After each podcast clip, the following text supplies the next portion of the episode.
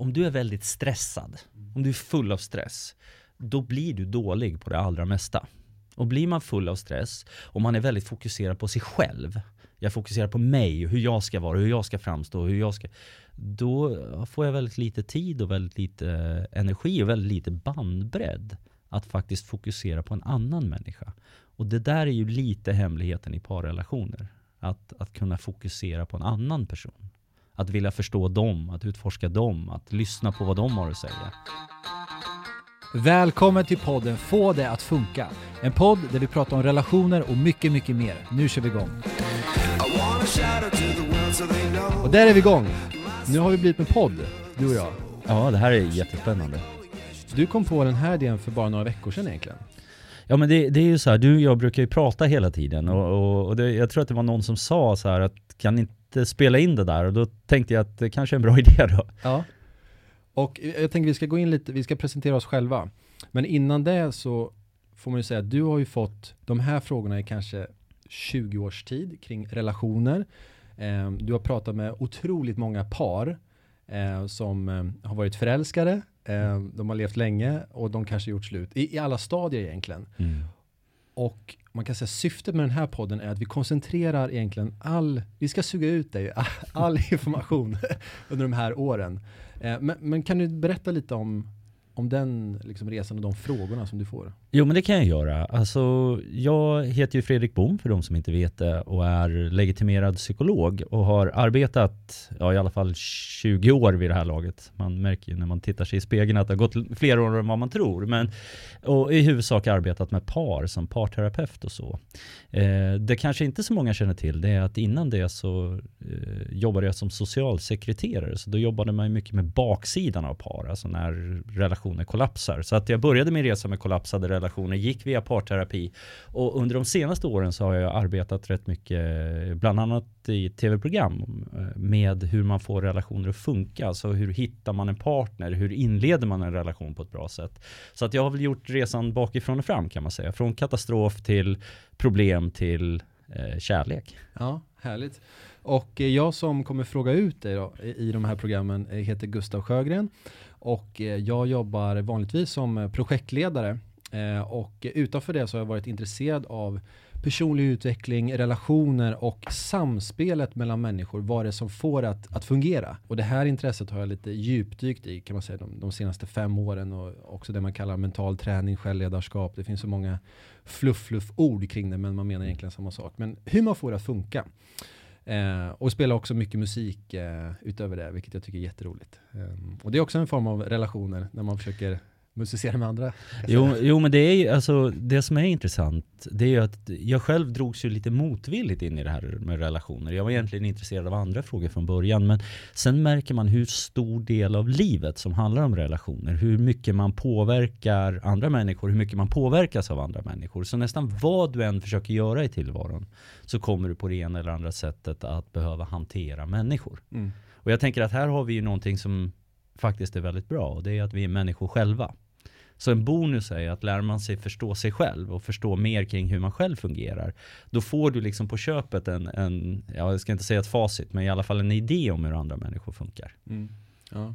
Och vi vill ju också att den här podden ska vara en, en väldigt opretentiös, vi kan ju säga att det finns inga rätt och fel, men det här, här kommer du med otroligt mycket erfarenhet och vi vill ju hålla lite mer, ja men mer som ett samtal och att man ska kunna få de här verktygen i sin, i sin verklighet själv. Ja, men jag måste ju erkänna, jag har ju ett dolt motiv lite grann. Och det är att jag, jag, brukar ofta tänka, du vet när man arbetar som parterapeut, om vi ska vara väldigt, väldigt raka. Så vad går det arbetet ut på i praktiken? Ja, i praktiken träffar du fyra eller fem par om dagen. Det gör du fem dagar i veckan, fyra veckor på månad. Du gör det kanske tio månader på ett år. Och det är klart att när man träffar så många människor som, och, och, diskuterar en sak så intensivt så det är klart att i vilket fall, man får i vilket fall en idé om vad som funkar och, och vad som inte funkar. Eh, och jag brukar alltid tänka så här att om jag hade fått åka tillbaka till tiden och träffat mig själv när jag var typ 15 och kunnat delgett mig några erfarenheter. Då Va, hade vad jag, hade du sagt då? Ja, jag vet, jag hade, jag hade nog besparat mig väldigt mycket eh, smärta och eh, misstag skulle jag säga. Och det, det första jag hade sagt då, det hade varit att faktiskt ta det lite lugnt. Mycket av det här med relationer löser sig när man inte fokuserar så mycket på det, hur konstigt det än låter. Ja, och där tänker jag, för hur gör man det? För det är också det mest provocerande att höra när man är där. Man har ju hört liksom vänner som har sagt, ja men det kommer lösa sig för dig också. Så här, och man bara, fuck you. hur, hur, hur, tänker man där? För jag hör ju vad du säger. Ja. Och jag blir kanske lite provocerad av det själv också. Jo, men en del av problemet är om vi, om vi tittar på relationer i allmänhet. Men, men pratar vi parrelationer specifikt. En sak som är väldigt oattraktivt för de flesta människor, det är om man är klängig. Mm. Om man känns desperat, om man känns som att man överarbetar. Och jag tror att det är det man menar när man säger att om du slappnar av lite mera, om du det liksom följer flödet lite mera, då kommer du att framstå som mera bekväm i dig själv. Du kommer också vara mera bekväm i dig själv. Och det i sin tur, ironiskt nog, gör dig mer attraktiv och, och ökar din dragningskraft på andra människor. Mm. Så lite att, att hitta saker för sig själv, där man kommer ner i sig själv, man kommer in i ro. Ja, men jag, jag, tycker inte man behöver göra det konstigare än att om du är väldigt stressad, mm. om du är full av stress, då blir du dålig på det allra mesta. Och blir man full av stress, och man är väldigt fokuserad på sig själv, jag fokuserar på mig, hur jag ska vara, hur jag ska framstå, hur jag ska... Då får jag väldigt lite tid och väldigt lite energi och väldigt lite bandbredd att faktiskt fokusera på en annan människa. Och det där är ju lite hemligheten i parrelationer. Att, att kunna fokusera på en annan person. Att vilja förstå dem, att utforska dem, att lyssna på vad de har att säga. Just det. Ja. Ska vi gå in på det här poddets första avsnitt? Ja, vi kan ja. inte låta bli. Vi tjuvstartar lite där, men absolut. eh, och eh, temat egentligen är ju lyckade relationer, finns de? V vad tänker du kring det? Ja, men jag tänker att det där är en fråga som jag ofta får. Liksom så här, eh, därför att det finns en, en, väldigt stor kontrast mellan den bild av hur en relation fungerar. Jag menar, den är ju i någon mån disneyfierad. Vi lär oss ju hur relationer ska fungera genom att titta på romantiska komedier eller någonting sådär. Och de, de serverar ju en idealbild. Och den tar vi till oss. Men skillnaden mellan hur vi tror att relationer fungerar kontra hur de de facto fungerar är rätt stor. Så att jag tror att om det är någon form av Disney-lyckad relation man letar efter, de levde lyckliga utan problem resten av livet. Då tror jag att man kommer att bli besviken. Så i den månen så finns de inte. Men finns det människor som är lyckliga i relationer? Och då är svaret definitivt ja. Ja, annars vore det deppigt. Ja, faktiskt. Varför lever vi? Um, Okej, okay, ja precis. Och vad, de som lever i den här liksom Disney-bilden, ja. vad är det du ser, vad är deras största utmaning? Vad behöver de liksom komma bort ifrån skulle du säga? Jo men det, det är ju, och det, jag tror att speciellt lite grann som, som världen utvecklas idag, det är att, att om man har en, en Disney-bild som, som säger att jag träffar någon och vi faller pladask för varandra och sen är allting smidigt resten av livet. Liksom så. Då tror jag att man tar bort sig själv ur ekvationen. Man, man förstår inte att nej men vet du vad, i perioder kommer det här att vara jobbigt. I perioder kommer det att vara Eh, kämpigt. Och om det är så att jag, jag tror att det normala är att man är lycklig hela tiden, då har jag en tendens att ge upp när det blir käns, kämpigt. Jag, jag kommer inte att, att, att anstränga mig, jag kommer inte att försöka lösa problemet, utan det blir väldigt lätt att bara säga att ah, okej, okay, då var den här relationen inte bra. Och så plockar man ur sig ur den och så går man till nästa relation och till nästa relation och till nästa relation. Just det. Så det är kanske är benägenheten att, att ta konflikter också, eller? Om jag hörde rätt, eller?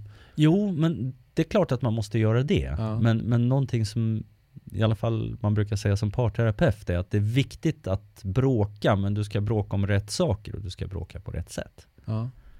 Okay. Så konflikter i allmänhet behöver inte vara bra, men, mm. men om man ser konflikter som en möjlighet att utvecklas, om man möter dem med nyfikenhet, då, då tror jag att de kan bli något positivt i det långa loppet i alla fall. Och vad tror du är en, en, en bra konflikt för en relation? Versus en dålig? Diskmaskinen, är det en, du tar inte upp disken, är det liksom ett tecken på någonting väldigt dåligt i en relation eller liksom är det en enkel sak som man snabbt kan Säger det någonting om relationen? Förstår vad jag menar? Ja, men jag tror att jag mm. förstår vad du menar. Och det, det, nu syns inte det här eftersom vi bara pratar, men jag ler ju. Det, det är därför att det är så intressant, för att ibland får man frågan så här, vad bråkar man om i en relation? Mm. Och svaret från en parterapeuts perspektiv är, man bråkar om nästan allt. Men, men en annan fråga som jag tror är viktigare, det är vad har jag för problem i en relation? Vad finns det för problem? Och här måste jag ju säga, nu är jag luttrad eftersom jag har jobbat med det här länge, att hade du frågat mig för 15 år sedan, då hade jag sagt att det finns 30, 40, 50 olika problem. Det kan vara disken, det kan vara livspusslet, det kan vara ekonomin, det kan vara tusen andra saker. Hade du frågat mig för 3-4 år sedan, då hade jag sagt att det finns 3, 5 problem. Frågar du mig idag så skulle jag vilja påstå att det finns bara ett problem du kan ha i relationer. Eh, och det är inte disken. Och det är inte livspusslet. Och det är inte vem som ska köpa en present till moster Greta. Mm. Det, jag, jag törs påstå det här. Att om du kan sätta dig ner med din partner, alltså på fullaste allvar och säga så här. Du, eh, förstår du hur mycket jag tycker om dig? Vadå? Jo, nej men förstår du hur högt jag värderar dig, hur bra jag tycker du är, hur mycket jag respekterar dig? Har det, har det myntet rasat in? Förstår du det? Och då ställer man den frågan, då kan man få två olika svar. Du kan få svaret ja, jag förstår det. Mm. Eller så kan du få svaret nej, jag förstår det inte. Och om du får svaret nej, då råder jag dig att lägga all tid och all energi och all kraft på att få ett ja, vad det nu innebär. Men om du får det ja, då är du inte i mål. För då kommer nästa fråga. Okej, okay, så du, du förstår hur mycket jag tycker om dig? Ja. Får du tillräckligt med uppmärksamhet? Lägger jag tillräckligt med tid, energi på att försöka förstå dig, begripa dig, anpassa mig efter dig, prata med dig. Och, och, och, det är samma sak där, du kan få ett ja och ett nej. Får du ett nej, då råder jag dig, lägg tiden och energin där. Men jag törs påstå, det är väl här det kan vara lite kontroversiellt, att om du får två jan, ja, jag förstår genuint hur mycket du tycker om mig och ja, du ger mig tillräckligt med uppmärksamhet. Då tror jag faktiskt vi löser det där med disken. Mm. Och vi kommer att mm. lösa det där med livspusslet också. Men kan man inte säga ja utan att mena det också? Ja men det är klart. Det är ett ännu större problem. jo, jo, och det, det, då är man ju falsk. Ja. Och falska människor blir ju sällan bra partner. Och mm. falska relationer blir sällan bra. Mm. Och då måste man ju börja ställa sig frågan så här, varför kan du inte vara ärlig med mig? Mm. Varför? Eller, eller man kan fråga, ja du säger ja men jag upplever inte det. Mm. Hur kommer det sig? Ja. Liksom? Och då är det viktigt att man har den dialogen. Ja. Men, men återigen, alltså, jag, jag, tror att människor som svarar ja på de här två, ja, jag får tillräckligt med uppmärksamhet, ja, jag känner mig tillräckligt omtyckt. De är generellt lyckliga i relationen. De mår bra. Hur, hur många svarar det då? Ja på båda de frågorna? det kan man ju gå till sig själv. Har du varit ja. i någon relation där du har haft ett klockrent ja på, på de här frågorna? N nej. Alltså sen, sen är det ju perioder och det säger säkert alla par. Att så här, jag är period, men, men Ja, bra fråga. Där satte du mig på... Nej men mm. den är relevant ja. därför att eh, du märker att det här är ju på ett sätt väldigt djupa frågor. Mm. För det handlar om liksom hur får en annan person dig att känna dig? Och det är klart att det är jobbigt och det är tufft. Och, och jag har ju en, en tro att ju högre tempot är, ju högre livstempot är, ju högre te tempot på att träffa människor, ju högre krav man har, ju, ju svårare blir det att få ja på de här frågorna. Alltså det är väldigt vanligt att människor kommer i parterapi och säger att ja, nej, alltså mitt svar är nej. Jag får inte tillräckligt, det är ofta tillräckligt med uppmärksamhet man inte får. Och då börjar man mm. rota i det och då upptäcker man att de är så upptagna med att du vet, jobba över, mm. pendla fram och tillbaka, svära över den jävla dieselkostnaden, mm. att, att försöka bråka om vart barnen ska gå på dagis. Mm. De är så upptagna med alla vardagsproblem. Så de här, det är inte så att de inte vill ge varandra uppmärksamhet, men det faller i glömska på något sätt. Och, och det har med sin livsstil att göra då? Eller liksom? Nej, men jag, jag, tror att det är klart att har du ett liv som är väldigt tufft, alltså om du har ett liv generellt som är väldigt tufft, och det kan ju vara tufft därför att du väljer att det är tufft, satsa mm. på karriären mm. eller någonting sånt. Men det kan ju också vara bara att livet inte är snällt mot dig. Mm. Att du har en tuff resa. Mm. Det, det, finns, då, när, när livet blir tufft, då har vi en tendens att fokusera mer på oss själva. Mer på hur ska jag ta mig igenom nästa dag. Och det är klart sådana här stora frågor som ger jag min partner tillräckligt med uppmärksamhet eller påminner jag dig om hur mycket jag tycker om dig? Det är ju stora strategiska frågor, men långsiktiga. Det blir så lätt att de blir bortprioriterade. Jag vet att jag borde göra något speciellt för dig någon gång emellanåt, men, men jag hinner inte det. Eller mm. jag är för trött, jag orkar inte. Mm. Så att det är hela tiden en brottningsmatch mellan här och nu och de krav som ställs och, och det som på lång sikt gör mig lycklig. Och jag tror att det är den här ekvationen som gör att det här både är spännande och, och svårt. Ja, ja, verkligen. Jag kan tänka mig att många par då som kanske lever i en men båda satsar på sin karriär och så säger man så här, men vi bokar en resa om ett halvår och, och då liksom tar vi hand om varandra och eh, ja, men då kan vi verkligen älska varandra på riktigt. Mm. Eh, eller eh, har du hört det också? Alltså hos par, att så här, då, då kan vi vara i oss själva verkligen. Men Ja. nu måste jag satsa på det här. Och det måste ju få okej att satsa på sin karriär såklart. Ja, ja. Eh, men då är det kanske ännu viktigare att ha den dialogen med varann. Och, och men vad funkar för dig? Så. Jo. Men, men just det att man skjuter fram lyckan ihop då kanske. Ja, och sen att man försöker kompartialisera den, alltså att lägga den i ett fack och säga att vi har en låda med lycka, vi öppnar den liksom Mm. på som ett, Det är ju roligt när du säger, för att eh, alla parterapeuter tror jag håller med mig när jag säger att eh, efter semestrarna, Mm. då är det högkonjunktur i parterapi. Ja just det, ja men det har jag hört också. Jo men det är det, och, och, och det är klart det beror på många saker. Mest skilsmässor också va? Ja, det är det. Jag, jag tror Eller- att januari kan vara, eh, jag Ja, har den- inte siffrorna i huvudet men. Mm. men definitivt Mm. topp tre i alla fall. ja. Men, men jag tror att det beror väldigt mycket på att vi laddar de där veckorna så otroligt mycket. Vi har så höga förväntningar, nu äntligen liksom så här. Och sen förmår vi liksom inte leverera. Mm. Och då blir besvikelsen. Men har det med förväntningar att göra också?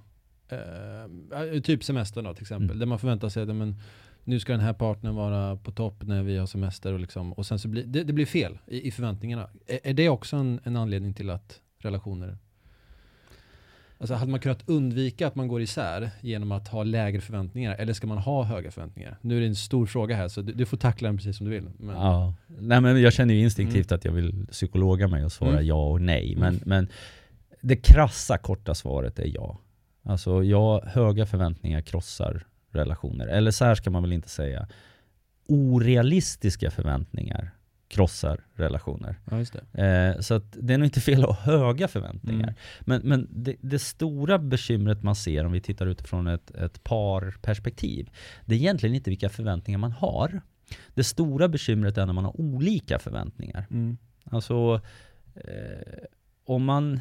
Ja, det. Nej men o- o- om det är så att du går in på McDonalds och förväntar dig att få en Big Mac och köper en Big Mac, då blir du antagligen skapligt nöjd.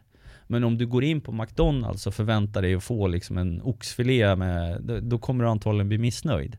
Och besvikelse är ju någonting som är jobbigt att hantera. Besvikelse på äh, saker som semester, men besvikelse på livet är jobbigt att hantera. Och besvikelse på ens partner är väldigt jobbigt att hantera.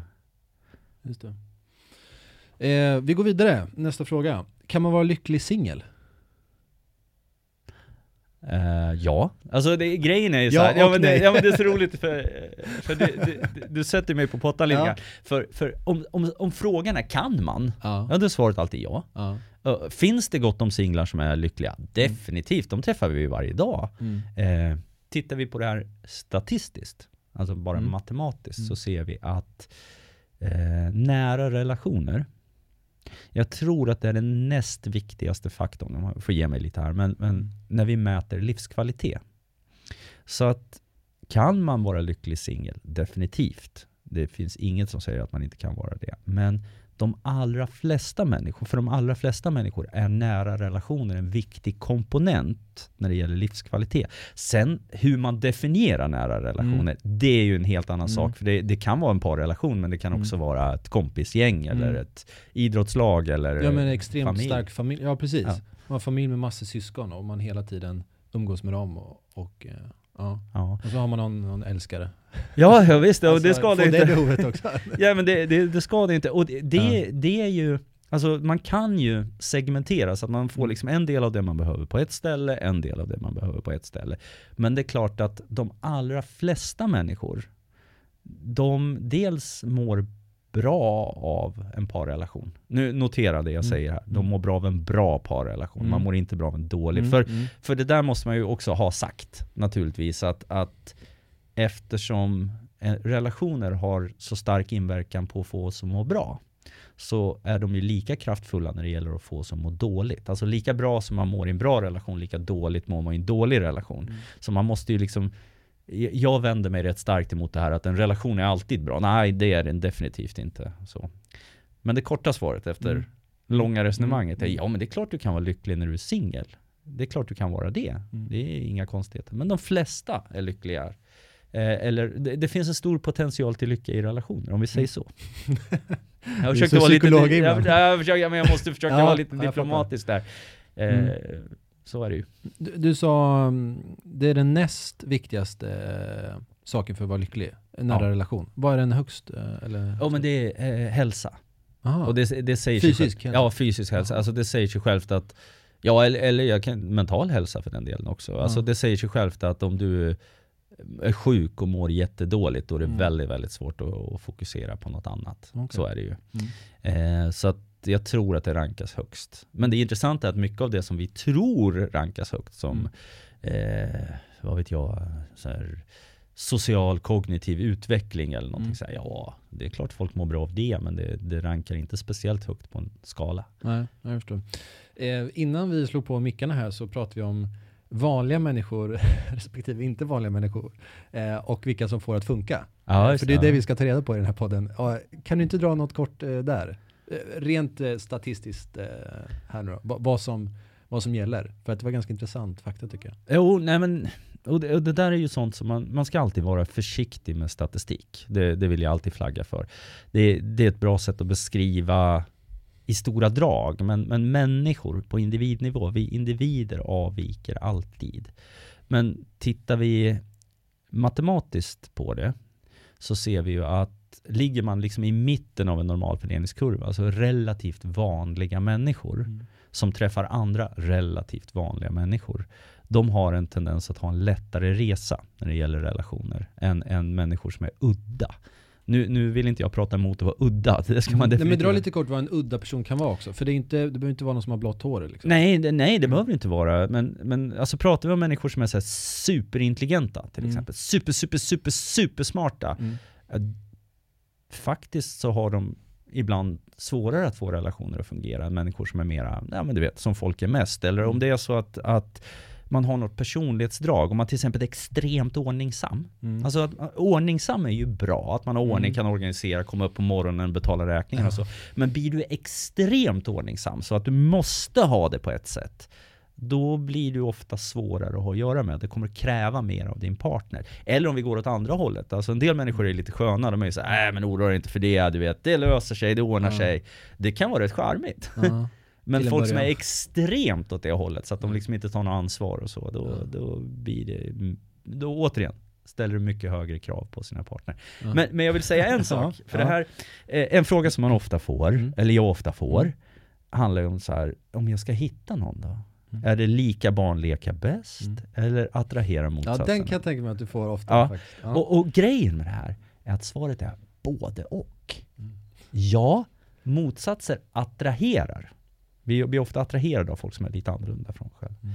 Men tittar vi vad som långsiktigt gör det sannolikt, du märker att jag pratar i statistiska mm, termer, mm. att man håller ihop, så ser vi att li, om vi är mera lika varandra, i alla fall när det gäller syn på livet, värderingar, vill vi bo i stad, landsbygd, hur många barn ska vi ha, sådana Mm. saker. Då blir det mindre friktion och då blir det lättare. Det blir mindre konflikter. Och då brukar jag ibland få frågan, men hur olika kan man vara då? Mm. Och här jag, skulle jag Ja. vilja servera. Ja. Ja, det stämmer. Ju mer lika varandra man är, ju större sannolikhet att man håller ihop. Så är det. Men, hur olika kan man vara? Du kan vara så olika som din kommunikationsförmåga och din förmåga till konflikthantering tillåter.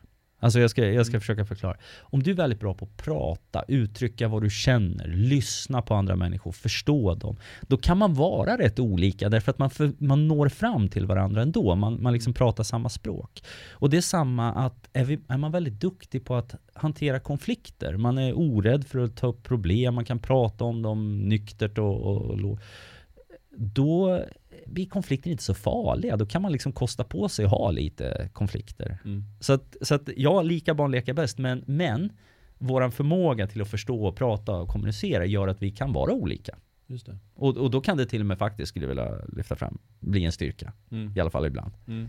Just det. Eh, Jag tänker det här med konflikter, stämmer det också att, eller det kanske är en ledande fråga, men att man tar en konflikt tidigt eh, är väldigt bra för att annars så kan det växa. Och sen så, alltså så här, om jag lever i en relation och sen så tar jag upp någonting direkt när det kommer, istället för att vänta några veckor, månader, eh, för då tänker den här personen om mig att okej, han tar upp det sent men han säger inte, han, han kan inte lita på mig. Alltså att det handlar om en sån tillitsfråga också. Ja men det är klart. Det är inte bara konflikten i sig, utan det är så här, varför känner han sig inte trygg att säga det?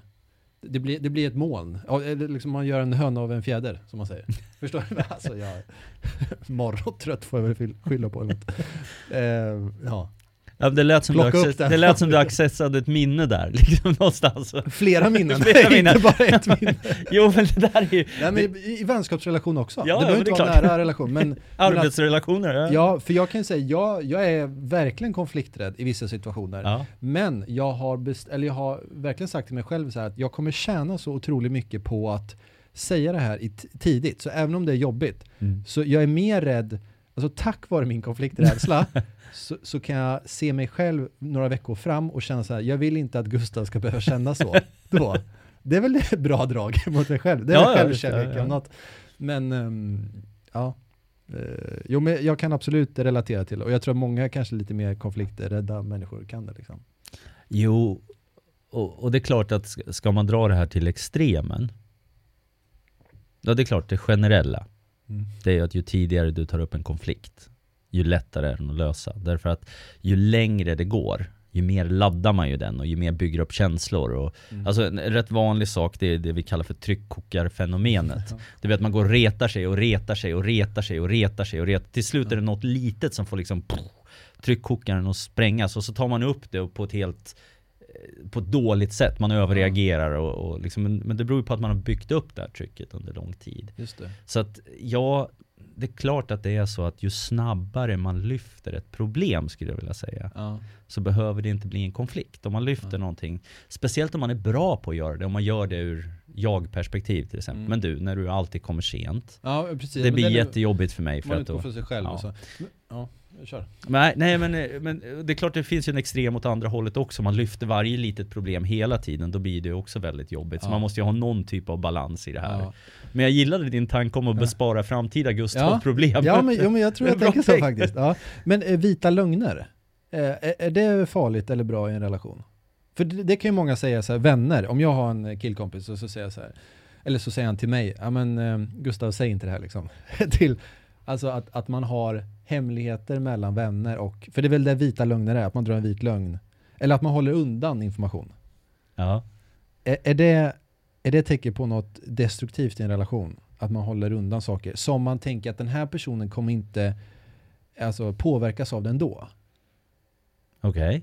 Hänger du med på vad jag menar? Alltså om, jag, om jag håller eh, information eh, Alltså det finns ju en gråskala i det här, vad det handlar om, om man har mördat någonting. Ja, det är klart. men, men alltså, finns det något, liksom, är det en, en red flag i en relation om man väljer att inte säga allting? För att vissa säger så här, "Ja, men min kille säger, kan säga allt till mig liksom. Mhm. Okej, vad, eh, säger det någonting om relationen egentligen? Ja, jag har en motfråga då. Ja. Eh, om du får välja, hur vill du att människor ska vara mot dig? Vill du att de ska ge dig all information, säga allting de tycker och tänker hela tiden? Eller vill du att de ska liksom tänka efter om det känns relevant eller om det, du blir ledsen eller glad av det? Jo, men det är klart, ja, det som känns relevant. Ja. Ehm, För, för, för, det, mig, det ju. för, för mig så handlar det där om förtroende.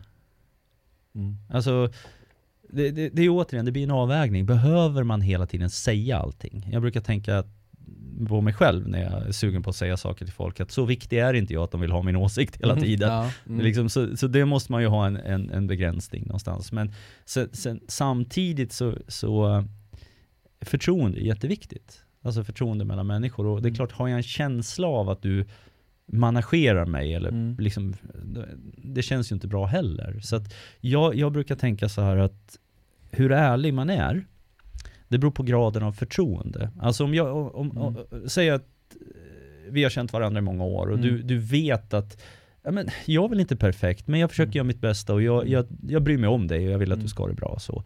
Det är klart, om vi har den relationen, då tror jag att du vill att jag ska säga men du har sallad i tänderna eller Mm. vet du vad, när du säger det där ser du inte att Mm. folk blir ledsna eller Mm. du, har du inte märkt att folk börjar störa sig på att du är Mm. sen nu eller någonting Mm. sånt. Men, men det kan jag ju säga om, om, du, om du i grunden har det, nu är jag tillbaka i min känsla där, Ja.